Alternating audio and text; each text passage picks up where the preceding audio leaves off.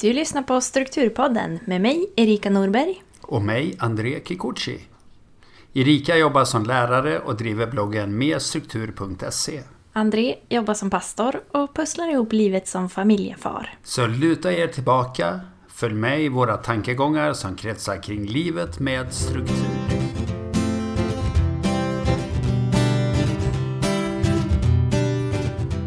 Hade ett långt och trevligt samtal med föreläsaren och författaren Hasse Karlsson så vi valde att dela upp den intervjun i två delar. Och här kommer del två.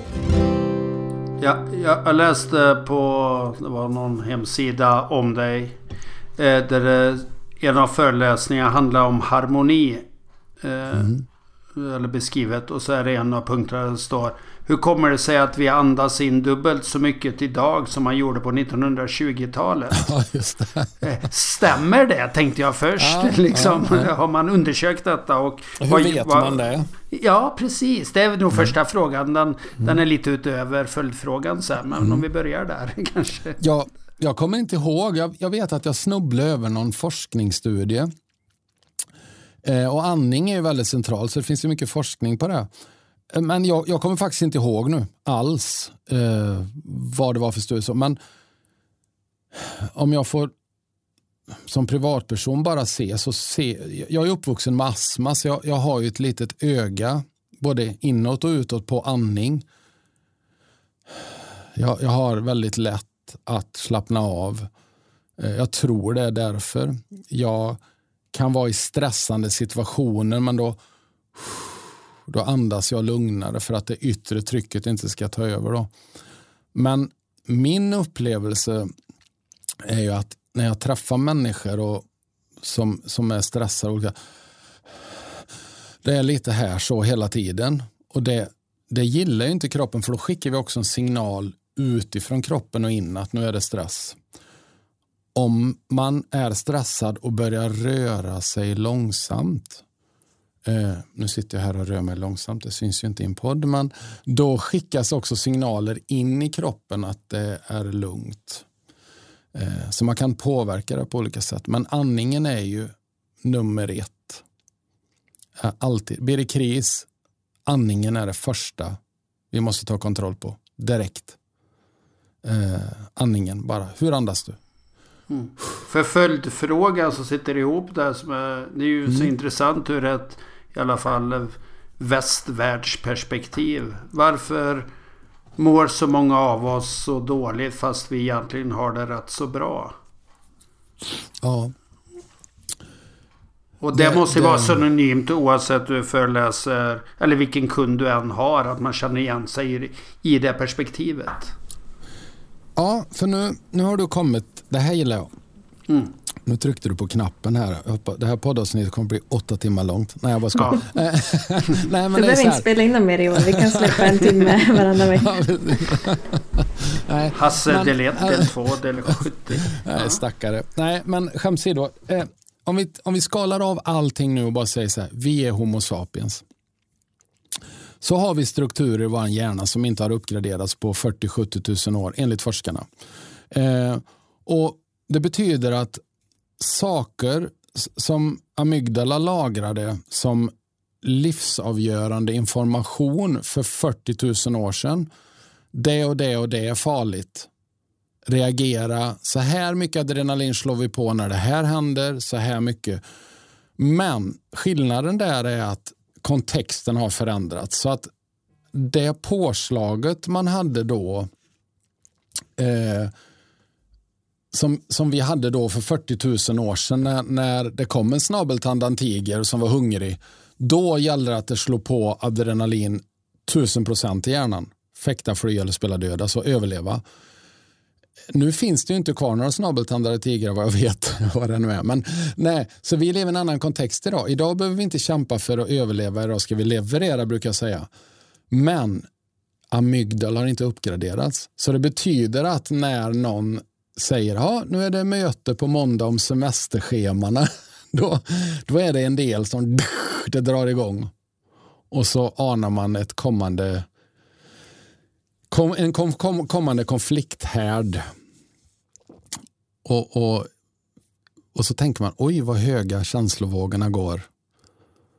Och så blir vi plötsligen fem år allihopa. Och då pratar jag än en gång då inte om den mysiga femåringen utan den tjuriga tvära som tycker att alla är dumma. Um, och det, vi, vi, är Homo sapiens allihopa, det, det får vi inte glömma. Uh, och jag måste möta mig som Homo sapiens och förstå. Det är därför jag säger det, vilket behov är det i mig som jag inte får tillgodosett eller som jag hanterar då, uh, som gör att jag blev fem år. Eller vilket, vad är det för ord jag använder som gör att du Erika triggar igång och känner att jag behandlar dig respektlöst? Är det någonting jag har gjort eller är det ett eko från någonting inom dig? Eh, jag kanske använder ett ord som inte betyder någonting men du kanske har hört det under din uppväxt i ett negativt sammanhang och ditt känsloliv, amygdala, kopplar ju direkt så. Eh, och, och, och så sätter det igång en process på dig och den processen går ju på en nanosekund.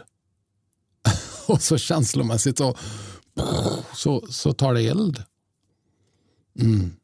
Ja, det, det, alltså Homo sapiens, vi har ju inte kommit så långt. Det, det är smärta. Visst, vi har varit på månen och sådär, men i, i, vårt sätt att förstå oss själva och varandra så, så känns det som vi är i början på en fantastisk resa som vi måste göra.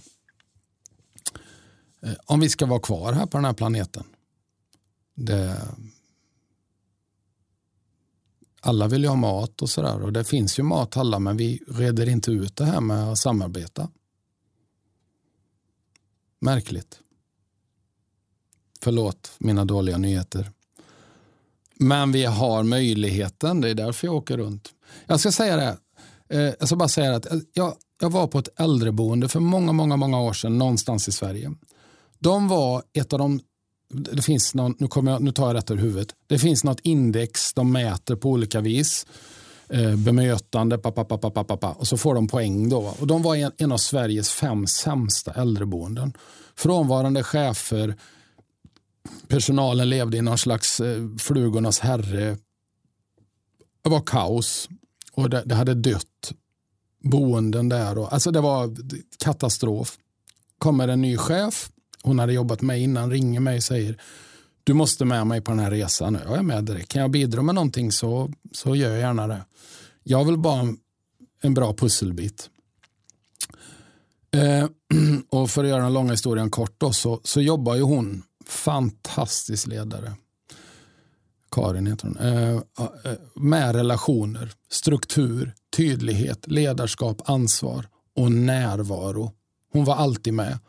Så hon bara, okej, okay, nu ska vi se, nu är det han, ja, vi kallar han Hasse i trean här då som ska duscha. Nu är han på dåligt humör och arg. Och, så då tog hon på sig ett plastförkläde och drog igång och de andra bara, va? Ett, är det en chef här? Två, jobbar den?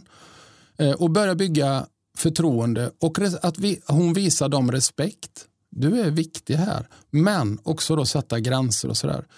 Eh, de gjorde en resa på, på det året där, då, där jag var en liten pusselbit men jättestolt att jag fick vara med på ett hörn. Där de blev, eh, de var topp i sin kommun på bemötande och bemötande är ju en av de absolut viktigaste utifrån de boendes eh, anhöriga och så vidare. Då.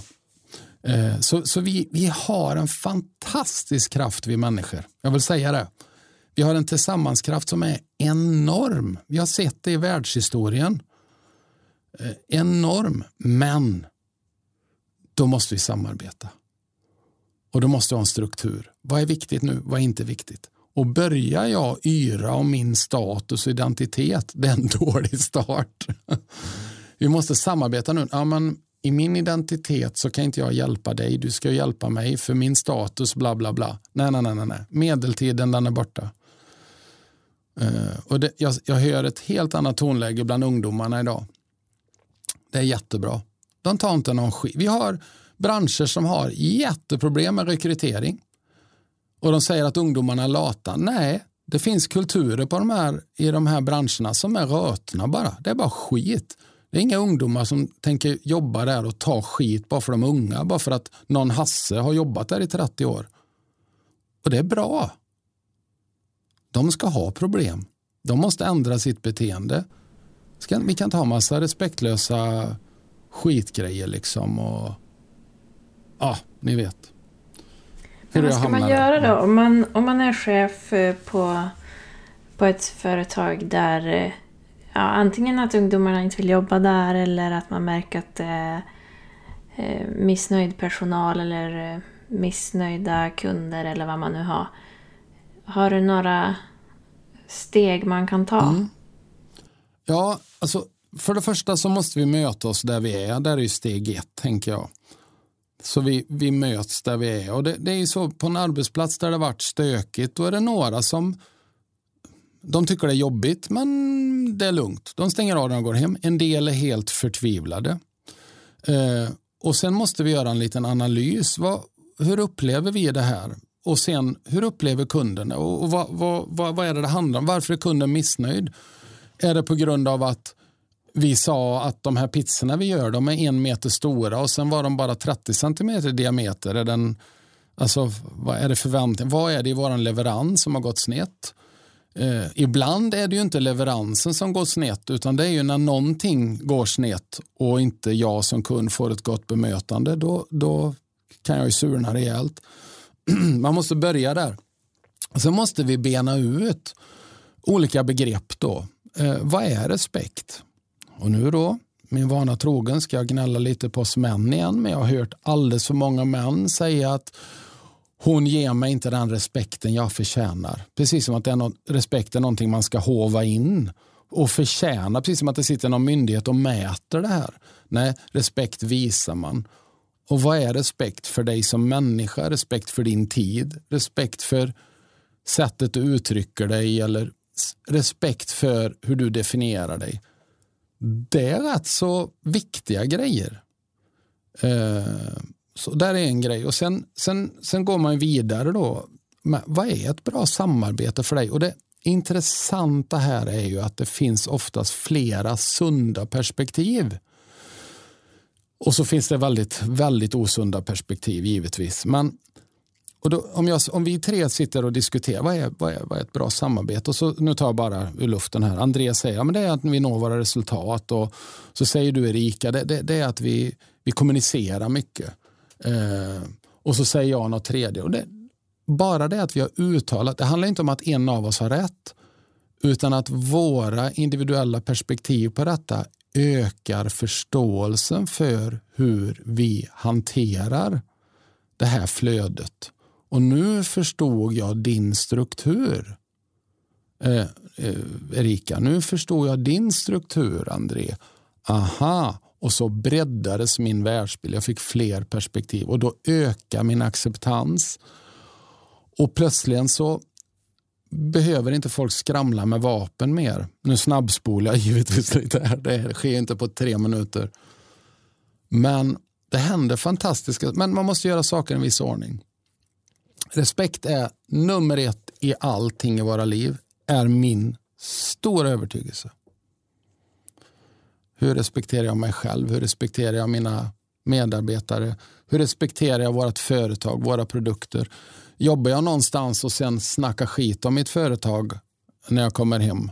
Varför gör jag det? Och varför jobbar jag i så fall kvar? Eller, ja. det, det, det är jätteviktigt. Men det finns en ordning. Men samtidigt är det ju väldigt många som inte är det minsta pigga på det. Många kommer till mig och vill ha en quick fix och så får de inte det. Då är jag en dålig föreläsare. Ja, då får de tycka det. Hade det funnits en quick fix då hade jag ju fått Nobelpriset varje år.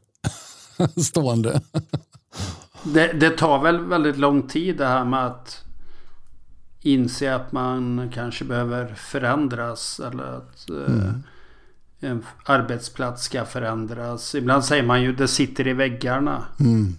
Den är kul. Jösses vad väggar och då, jag har då är det ju kört. Jag, jag var på ett ställe där vi... Ja, vi målade om alla väggar men vi märkte att det var vissa saker som satt kvar ändå. Visst är det märkligt? Det är jättekonstigt. Det var hur fint som helst men vissa ja. beteenden satt ju i väggarna. Eller ja. djupare än så i ja, identiteten. Trossbotten. Nej, men, det, det, men där har vi, det är en grej, oh, det ska jag inte gå in på då, men non-ananismen, jag har ju ett eget kapitel där i boken. Vi människor älskar, det bästa som finns är ju att Det är någon annans fel och det är någon annan som får tag, ta tag i det.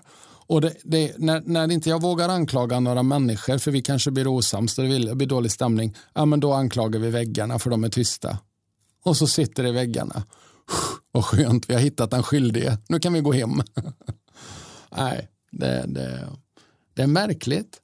Och Jag tänker så här att jag har sagt det som, jag, jag märkte det med mina döttrar för ett gäng år sedan rätt många år sedan, men, men också genom en, en god, klok vän som gav mig den insikten. Tyvärr räknar jag inte ut det själv, eller tyvärr, men jag gjorde inte det. Men, men just det här att jag märkte att det var lättare för mig att säga till mina döttrar att jag älskar dem än att säga att jag hade fel. Och det, det där tog tag i mig. Jag kände, är det där bra Hasse Karlsson? Hmm, det där är ju jättedåligt. Vad viktigt. Och eh, jag vet, när jag har föreläsningar och det är majoritet män, då är det många gånger jag frågar. Jag, jag måste börja med en fråga säger jag.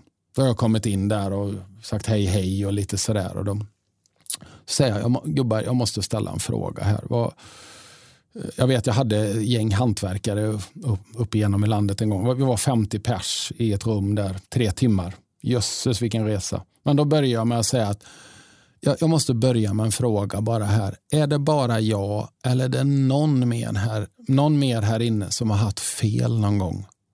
Och det blev helt tyst. Sen var det några av de äldre som började garva. Åh, 76 hade jag fel, men, men då på något vis, det var ju mitt sätt att bryta den isen, att det är okej okay att ha fel. Det här påverkar inte din status. För vi har med oss från flocken, ett, för 40 000 år sedan, vi måste ha en flock. Utan flock får jag panik för då dör jag.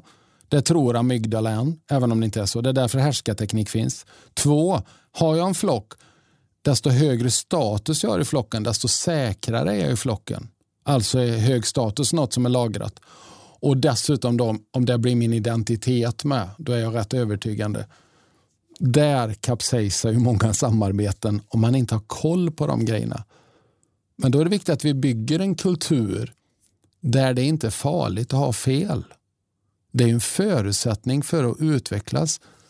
Jag, jag kan ju älska att titta tillbaka på mitt liv och jag la ut någon bild på Insta för ett tag sedan. Jag hittade någon bild som var 30 år. Jag satt där långhårig och rockstjärna och, och jag insåg att den pojkens världsbild och min världsbild, det skiljer rätt så rejält.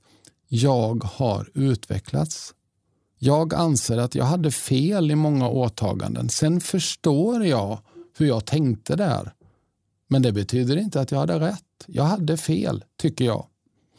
Eh, och då är det skönt att ändra. Nu tänker jag på ett nytt sätt. Helt ofarligt. Jag har inte gått under. Ibland kan jag tänka att jag invecklas eh, snarare än utvecklas. ja, att. Jag, att jag, ja, när jag var 20 år och jobbade ja, men jag jobbade som ungdomsledare. Jag kunde nästan göra vad som helst eh, på scen eller med ungdomarna. Eller man var lite sådär galen. Mm. Och så nu när man 40 eller 20 år senare så tänkte jag varför är jag inte så galen? Nu är det så att jag inte bara utvecklats utan jag har faktiskt invecklats lite. Det är lite tråkigare att vara den där galne. Ja. Att man liksom har formats i en mall som man kanske... Ja, det, vuxenskapet kräver lite tråkighet som egentligen inte är jag ibland. Och det är bara du som kan avgöra det. Är det en, en, en förväntan utifrån en kultur att... Eller är det för att du, du kanske är sån? Eller så. Jag, jag var ju en spexare av megamått när jag var 17-20 år. Det är svårt att anklaga mig för det idag. Jag är otroligt introvert. och alltså folk Många tror att bara för att man är föreläsare så är man extrovert, men jag har inte åkt runt i 20 år för att få bekräftelse och energi. Jag har ett uppdrag. Jag kan vara jättefyrkantig. Sen älskar jag att stå på scenen, jag älskar människor och så, men jag gör det inte för att få energi jag har ett uppdrag och jag kan vara jättekantig så, men jag, jag ser ju hur jag har förändrats i det. Mm. När du pratar om att vara social ensamvarg, är det lite det här dubbelheten? Att ja. stå på scen och däremellan? Ja. Jag tror att jag har pratat mycket om det med våra kollegor. så. Eh, det har ju lärt känna dem genom föreningen. Det är fantastiskt att träffa människor som, som är fantastiska föreläsare och har hållit på så länge och är så generösa med sin, sina erfarenheter och så. Men många har ju, vi har sett det genom åren och det, de blir inte långvariga, men det här att du står på scenen i ett flöde eh, där vi skrattar ihop och det är en energi i lokalen och ja, men vad det nu kan vara. Man gör, jag gör något jag tycker är kul, jag är inne i ett flöde och vi skrattar och vi berör varandra och det är en varm avslutning och allting. Och sen packa ihop grejerna. 45 minuter senare så slår dörren igen på rummet på Scandic Hotel i Umeå och det är tyst som graven. En del får ju kramp där. Jag tycker det är jätteskönt. Och det är inte för jag tycker det andra är jobbigt. Men nu ska jag också tillägga det att jag, jag är CPAP-patient och jag hade svår sömnapné innan och höll på att stryka med rätt rejält för några år sedan. Så jag har ju lite hjärnskador efter det. Så jag är också, det har ju påverkat mig att jag, jag behöver mer lugn och tyst än innan. Men det hade ju hänt i mig långt innan det. Så, så det är inte bara det som gör att jag uppskattar det lugnet. Så, men, men vi förändras ju också. Alltså det, det vore ju konstigt om jag hade samma behov idag som när jag var 20. Det, vi, vi touchade lite vid det där innan Erika när vi testade lite ljud där, men eh, ja, hur har dagen varit? Vi, vi pratade lite om barn och sådär. Då, då, då är vi ju människor i olika delar av livet. Och här sitter jag, liksom. mina barn har flyttat hemifrån. Eh, jag har blivit morfar. Jag har ett barnbarn. Jag, alltså jag, mitt lilla, lilla barn är inte så litet längre. Hon är mamma. Och lillasystern är moster och så har de en lillasyster då, så vi har en lillmoster och stormoster. Men det är helt fantastiskt bara. Så jag, jag älskar varje kapitel. Jag, jag, tyckte, jag tyckte det var underbart att vara 10 år och 15 år. Och sen har jag en uppväxt som det fanns så mycket som inte var roligt. Men, men det, jag, jag har aldrig, aldrig känt att Åh, jag vill vara 21 igen. Nej, det räcker. Jag har varit 21. Fine. Jag vill inte vara 49 heller. Jag har också testat. Men jag vill gärna leva imorgon. Så. Och, och nu kommer vi till det med inställning, världsbild. Och, och vem vill jag vara? Vem tillåter jag mig vara? Tillåter jag mig vara en organisk mekanism, eller inte mekanism, men varelse som, som utvecklas. Som kanske faktiskt säger om två månader, nu tänker jag så här. Finns det, lever jag i, i, i ett självledarskap som tillåter det? Eller måste det vara på ett visst vis? Det, man kanske ska lyssna lite där. Ja, jag tänkte på det här. Jag hittar den inte men jag tror det är Frank, Frank Ådahl som har skrivit eh, en låt om vad som eh, handlar om när musiken släcks, eller ljusen släcks och man går av scen och maskerna faller och vem man är då. Just det. Och jag mm. tänker att den kontrasten får inte vara för stor i livet. Att man är någon annan om du är någon chef eller oavsett titel. Att, ja, det, det måste vara ganska jämnt däremellan. Man kanske har ett av och ett på givetvis. Men man får inte bli någon annan under masken.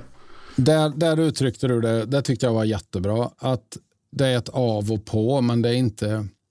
Man blir inte någon annan. Jag, jag, jag är högkänslig och har förstått det som vuxen och utvecklat eh, olika ha lite olika taktiker för att hantera och klara mig i livet som barn och sådär. Men för mig så, så när, när, någon blir någon annan, det tycker jag är otäckt. Jag, jag tycker, det, jag tycker inte det är trevligt. Eh, att folk ändrar energi, det är lugnt. Eller att någon blir arg, inga problem. Att någon är ledsen, inga problem. Snälla någon, jag i skolan så var det ju alltid tjejerna som kom och lipa för nu hade drömkillen gjort slut. Eller då kom de och lipa hos mig. Då. Ja, visst.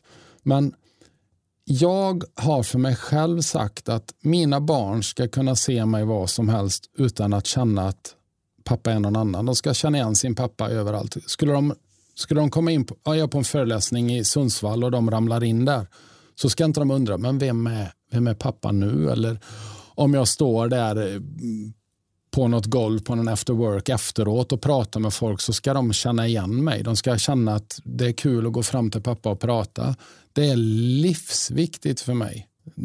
Det sitter jättedjupt. Men om de är så noga med det vet jag inte, för de vet ju inget annat. Jag har ju något att jämföra med. Och Det är också en grej i livet. Att Jag har ju en världsbild. De har ju aldrig upplevt min uppväxt. Eller så. Och Det är någonting som är intressant nu när de är vuxna, att vi pratar om det. Att det här har nog format mig. Och att vi pratar som vuxna helt enkelt. Det är fortfarande mina barn, men de är inte små barn.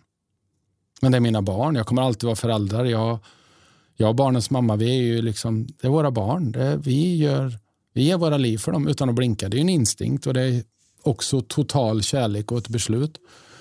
Men, men jag tror jag, jag, jag tror ni har satt fingret på eh, någonting där båda två med det här med identitet. Att har, har inte jag koll på det, i mitt självledarskap, hur jag definierar mig, om jag låter någon annan definiera mig eller, eller jag har fastnat i någon knepig identitet. Det är inte bra. Och Konsekvenserna blir väldigt allvarliga. För jag kommer resonera med mig själv på ett knepigt sätt, vilket jag gör i sin tur, att jag resonerar med min omvärld på ett knepigt sätt. Och det påverkar resten av mitt liv. Och Jag ser en större benägenhet hos kunder idag att våga prata om det här. Eh, det finns ett sug efter att koppla samman samarbete och självledarskap. Eh, och det, det tycker jag är jättekul, för jag, jag lever i min övertygelse att, det, att vi jag tror inte att har jag ingen koll i mitt självledarskap så, så har jag inte lätt att samarbeta med andra. Liksom, eller om jag inte har någon kommunikation med mig själv och förstå mina behov. Då kan jag inte hitta en struktur för att hantera mina flöden i den energi jag har att vara pappa eller medarbetare eller kompis eller rockstjärna eller vad jag nu håller på med. Det där hänger ihop. Vi börjar få en mer och mer holistisk bild och det tycker jag är sunt. Tänker jag. Ja, förlåt, har jag pratat sönder er podd nu eller? Jag har inte är tittat på klockan. Ni får ta fram stora saxen sen. Ja, nej men eh, jag tycker att det är intressant att ha de här samtalen och komma in på, på lite olika spår. Och det finns nog ganska mycket strukturtips att hitta i det vi har pratat om också. Till exempel det här att eh, ja, men vi, det finns runda hjul att hämta hos varann som du sa. att eh, Det finns färdiga lösningar om man, om man hittar den som passar en själv. Och att strukturen behöver inte vara en låst grej och att det kanske är det som gör att folk ibland är negativa till struktur. Utan det, det behöver vara dynamiskt och kunna ändras efter situation och person. Ja, tanken slår mig här. Eh, om jag får ta ett exempel här bara på en sak, sak som jag inte skulle kunna prata om, eller skulle, jag kan prata om vad jag vill, men det hade inte fallit så god jord för 20 år sedan. Men som nu är återkommande konstant oavsett vilka jag föreläser för. Det är kärlekens fem språk. Amerikansk författare Chapman då, som menar att vi ger och tar emot kärlek på fem språk. Bla bla bla, handlar inte om rätt och fel så, men då kopplar jag detta till våra personligheter och vår förmåga att samarbeta på jobbet. Och om mitt språk är komplimanger så är det ju viktigt att, att säga hej på morgonen och gott att se dig eller bra jobbat vi har nått dit nu. Eller också konstruktiv kritik. Om mitt språk är tid tillsammans, ja jag ser ju massa människor som har tid tillsammans som språk som har haft ett elände nu under pandemin. Vi, vi sitter där framför datorn med de här små frimärksansiktena. Ja, men du vet. Och sen då tjänster, att vi hjälps åt. Eller fysisk kontakt. då. Men en som jag har dratt mycket i, som jag vill koppla till det du sa där Erika. Det här med gåvor då. Jag är sämst i hela världen på presenter. Jag ringer mamman vi måste samarbeta. Liksom. Så säger jag bara, allvarligt talat, vad, vad, vad, har du några tips? Vad ska jag köpa? Liksom. Ja, det bara blockerar sig. Liksom. Jag har ju en fantastisk fantasi, men, det, men vi ska inte fastna vid att gåvorna bara är presenter eller att baka bullar på fredagsfikan. Utan en av de finaste gåvorna vi kan ge varandra i våran partnerrelation eller som medarbetare på jobbet eller som föräldrar, det är ju att gåvan att dela varandras erfarenheter, perspektiv och kunskap. Jag hade ju en gymnasielärare som hette Arjan Krishan som gick bort här för ett tag sedan. Han kom från Tjeckoslovakien då, eh, sån här supergeni. Eh, väldigt speciell människa. Otroligt snäll. Jag vet jag fick låna hans bas. Han lånade ut den till oss elever. Han hade en bas, en jättefin Fenderbas från 60-talet. Äh, du lånar bara, inga problem. Du tar med bara och spelar. Mycket bra, spelar bra musik och så här. Men han sa en grej om att dela kunskap och erfarenhet med varandra. Så sa han så här, kära församlingen, kära församlingen, jag har mycket, mycket dålig nyhet. Och vi var så här, oj, vadå? Som sagt, vi gick gymnasiet. Så att, Eh, jo, förr i tiden vi hade en liten tratt. Hålla tratten mot huvud. All kunskap komma ut ur tratten. Komma till alla på en sekund. Alla blir supersmarta på en sekund. Mycket bra! Nu, dålig nyhet. Någon idiot slarvat bort tratt. Tratt borta. Nu måste vi sitta på röv och prata. Och nu då, några år senare då, vad är det, 40 år höll jag Eller vad det är. Alltså, tratten är borta. Men en av de finaste gåvorna vi kan ge varandra att dela med varandra av bara vara närvarande, behöver inte ha svar på allt, eller dela med sig av sin erfarenhet eller sin kunskap. Kan det vara så här, delat perspektiv, då växer vi som människor. Och det är någon som sa att alla bra resor börjar med generositet. Så det vill jag slå ett slag för. Och där ser jag en öppenhet idag som är enorm.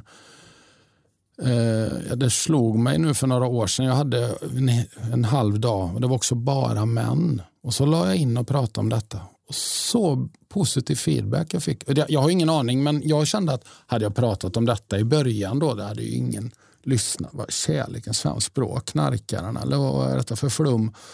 Men, men jag, jag vet inte vad som har hänt, men jag tror vi har förstår mer om relationer och kanske till och med måste förstå att hela livet ryms inte i Excel. Eller så.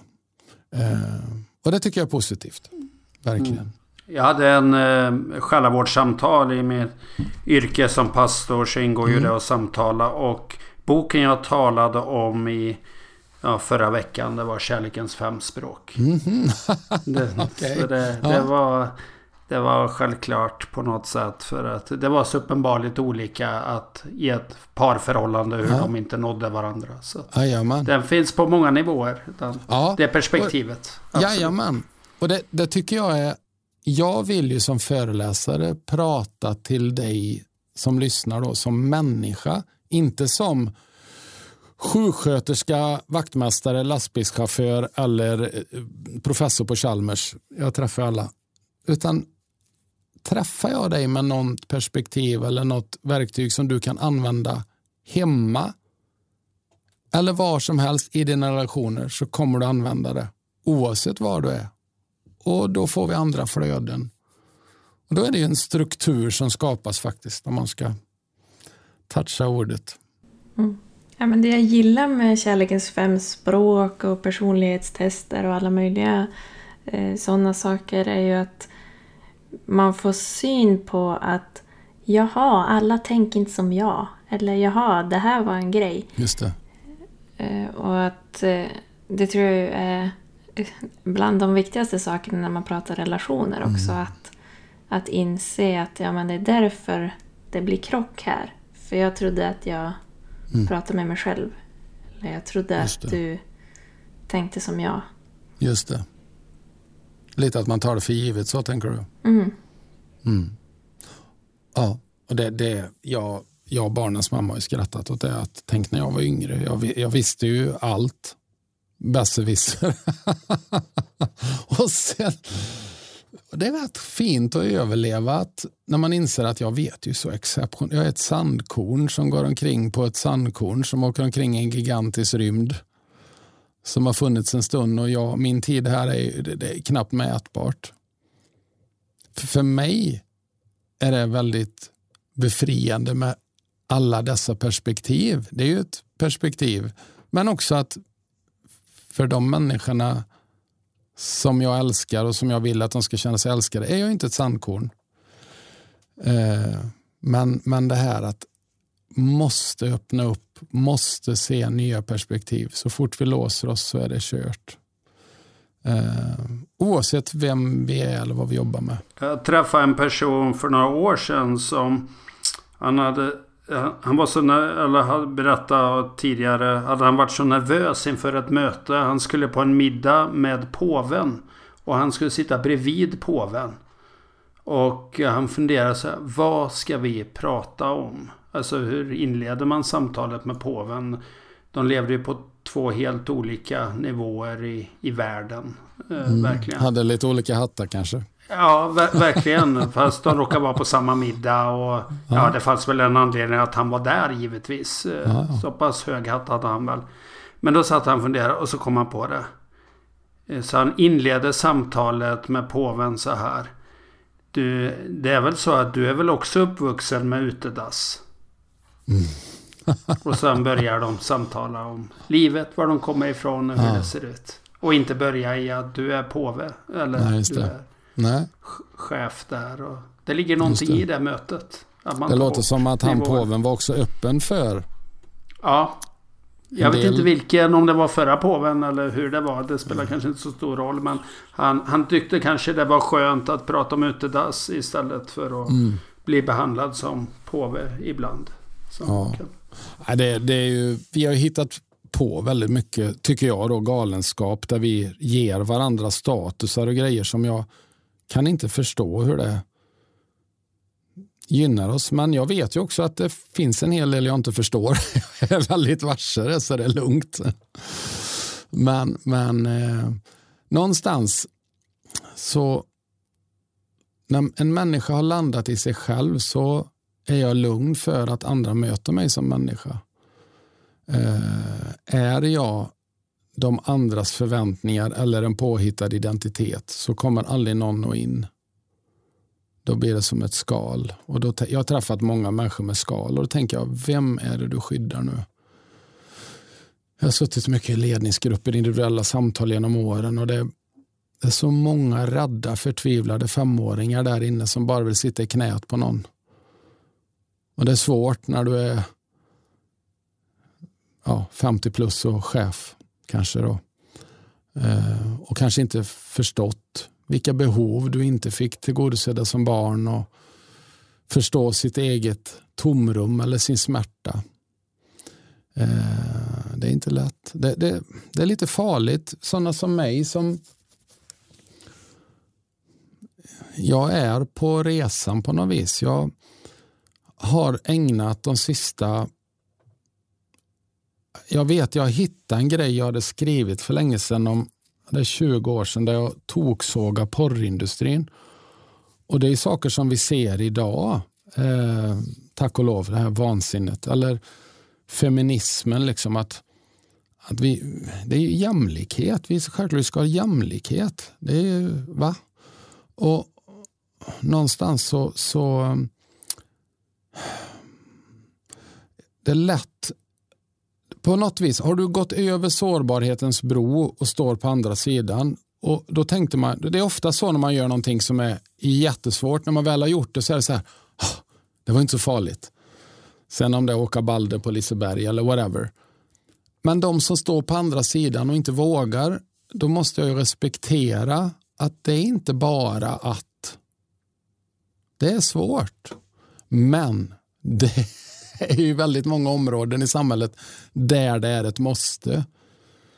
Eh, det är ett måste. Vi män måste prata med varandra om känslor och världsbilder och nysta i var kommer det här ifrån. Och alla dessa män som har ett beteende, och jag har haft ett beteende som jag skäms oerhört för, som jag hade utan att ha en tanke på det. Jag tyckte jag var en rolig kille så. Inte det minsta rolig. Men jag hade så bra tjejkompisar som sa till mig att nu gubbe får du skärpa till dig. Så jag fick ett nytt perspektiv. Tack och lov. Eh, men det är väldigt, ibland kan sådana som jag, det, det, låter så enkelt allting. Det är inte enkelt, det är skitsvårt, det är skitjobbigt. Eh, jag har en föreläsning som heter En kul tur eller jobbig resa och jag, jag säger det. Den här resan är skitjobbig att göra som organisation, men värde. För det är inte målet det handlar om, bara det resan är rolig. Och nu har vi kommit så långt så nu är den ett måste. Vissa branscher måste jobba med sin kultur.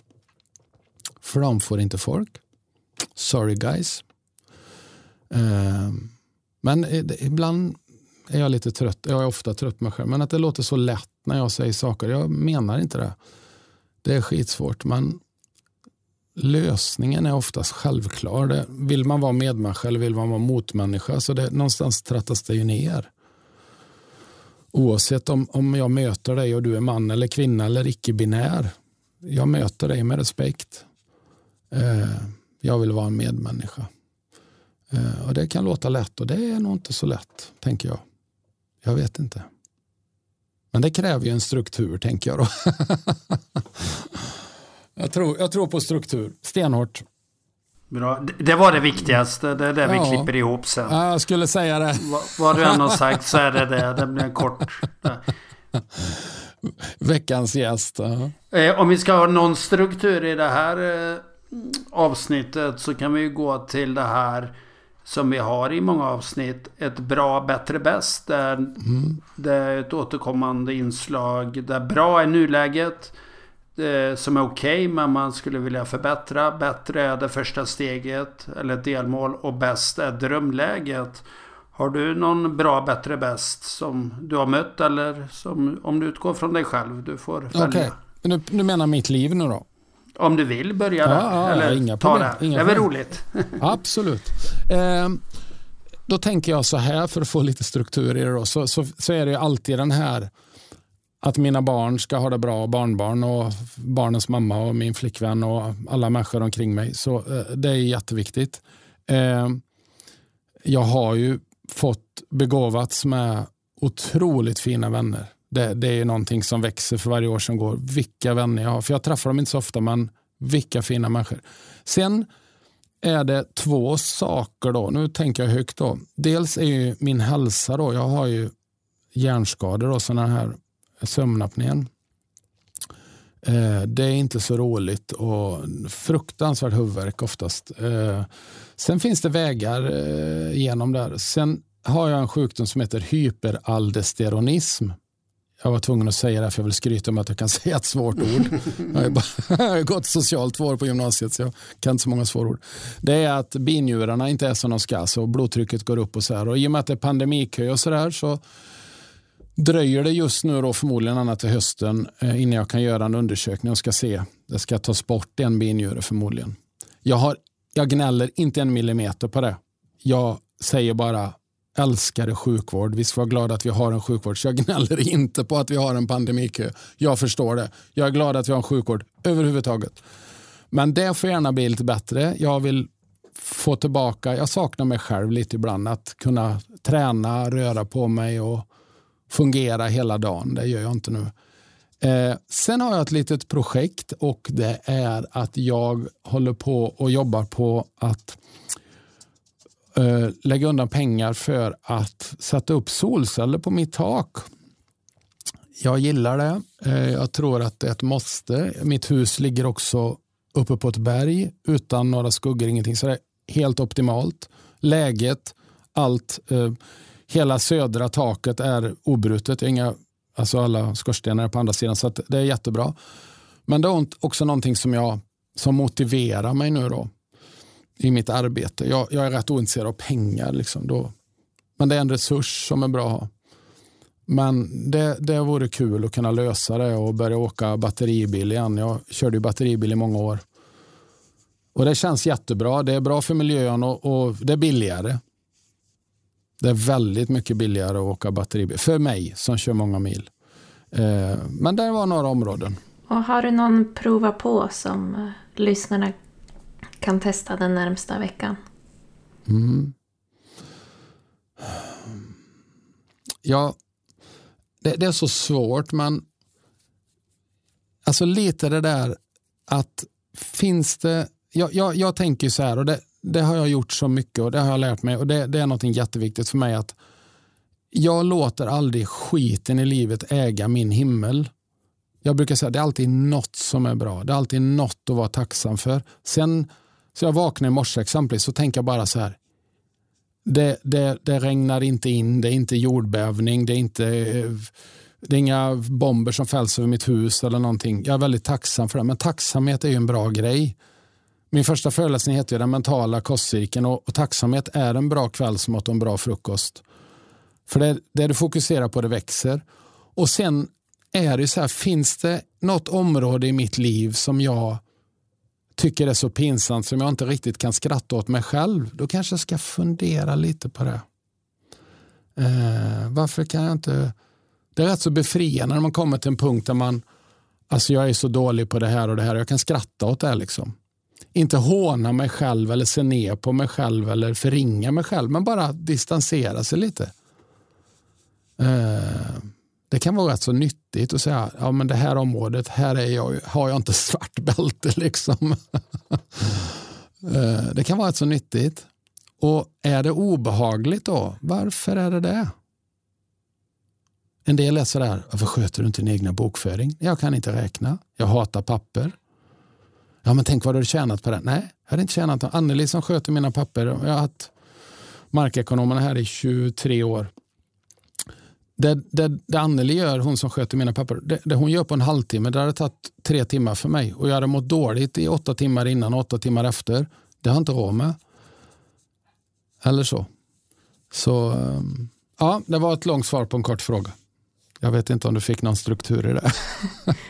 så att eh, hitta något att vara tacksam för och eh, fundera på om det finns något eh, man inte kan skratta åt mm. sig själv om och varför. Ja. Ja, får jag tillägga där, alltså inte, vi ska inte använda hitta något att vara tacksam för för att överskyla smärta. Absolut inte. Och jag har sån ångest, ja men var tacksam för att, det, det, det menar jag, det ska vara tydligt, absolut inte.